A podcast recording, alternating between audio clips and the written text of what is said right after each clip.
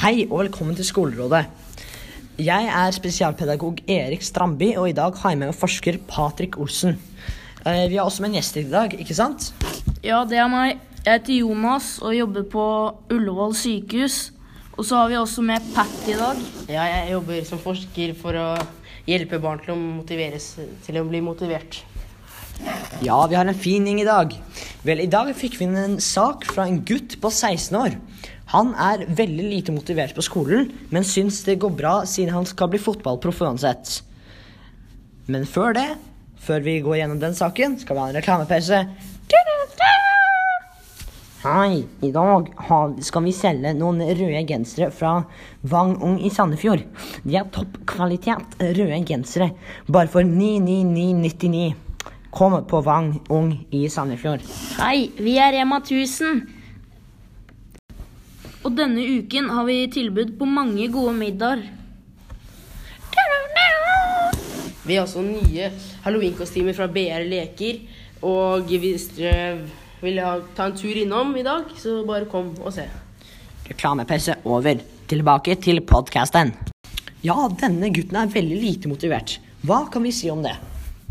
Nei, det er jo veldig viktig å drikke og spise, og så være ute i frisk luft og trene. Og så Ja, det er jo veldig viktig sånne ting, da. Det burde man kanskje gjøre litt ekstra. Kanskje du kan få avtale med læreren om å gå ut. Hva har du å si til dette, forsker? Jeg sier at, eh, jeg bare, at han kanskje bør være litt mer aktiv i friminuttene for å, få litt mer, for å bli litt mer motivert til å jobbe på skolen. Og kanskje ha litt mer selvtillit, da. Vel, ja, som sos- sosialpedagog så vet jeg at det er veldig viktig å være mye i luft og være ute mye.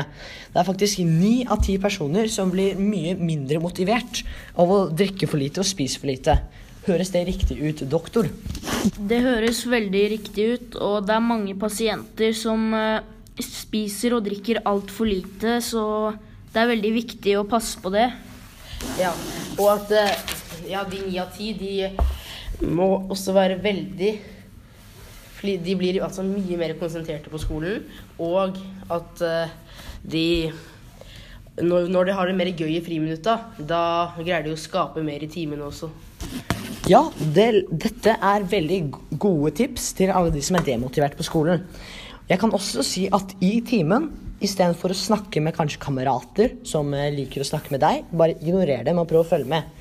Jeg har vært litt ekstra mye i mattetimene der jeg jobber, og jeg ser at de som eh, ikke følger med da, blir eh, veldig demotivert i senere i livet, og noen av dem ender opp på gata.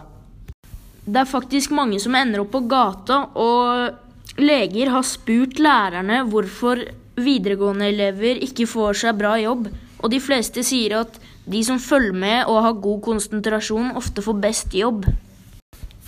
Det, det er forska på at eh, hvis man er mer konsentrert på skolen, da får man mye, mye mer, bedre jobb, og man eh, blir mye, konsentrert i, mye mer konsentrert i hverdagen. Ja, jeg har et tips til deg. Hvis du følger med godt, drikker mye og spiser mye, kanskje du blir fotballproff senere i livet, men det er ikke helt sikkert. Det er faktisk forska på at bare én av 20 personer blir for så vidt fotballproff. Men nå definerer jeg fotballproff som ikke bedre enn kanskje et juniorlandslag. Og hvis du plutselig får en skade en dag, da skjer ikke det. Så jeg syns bare konsentrer deg godt på skolen, så ender du i hvert fall opp med en stødig jobb. Ja, det er fortsatt viktig at du holder på med treningen din, men det går an å gjøre en kombinasjon av begge deler. Fokuser på skole, men ha treningen ved siden av. Ja. Ja vel, en god forskning sier at hvis du er veldig mye veldig konsentrert på skolen, da oppnår du veldig mye bra ting i livet ditt, og du blir en, kanskje en bra fotballspiller resten Ok, så kort oppsummert vil jeg si at det er viktig med trening, men fokuser på skolen og følg med i timene. Og husk å spise og drikke. Håper du greier deg bra resten av livet.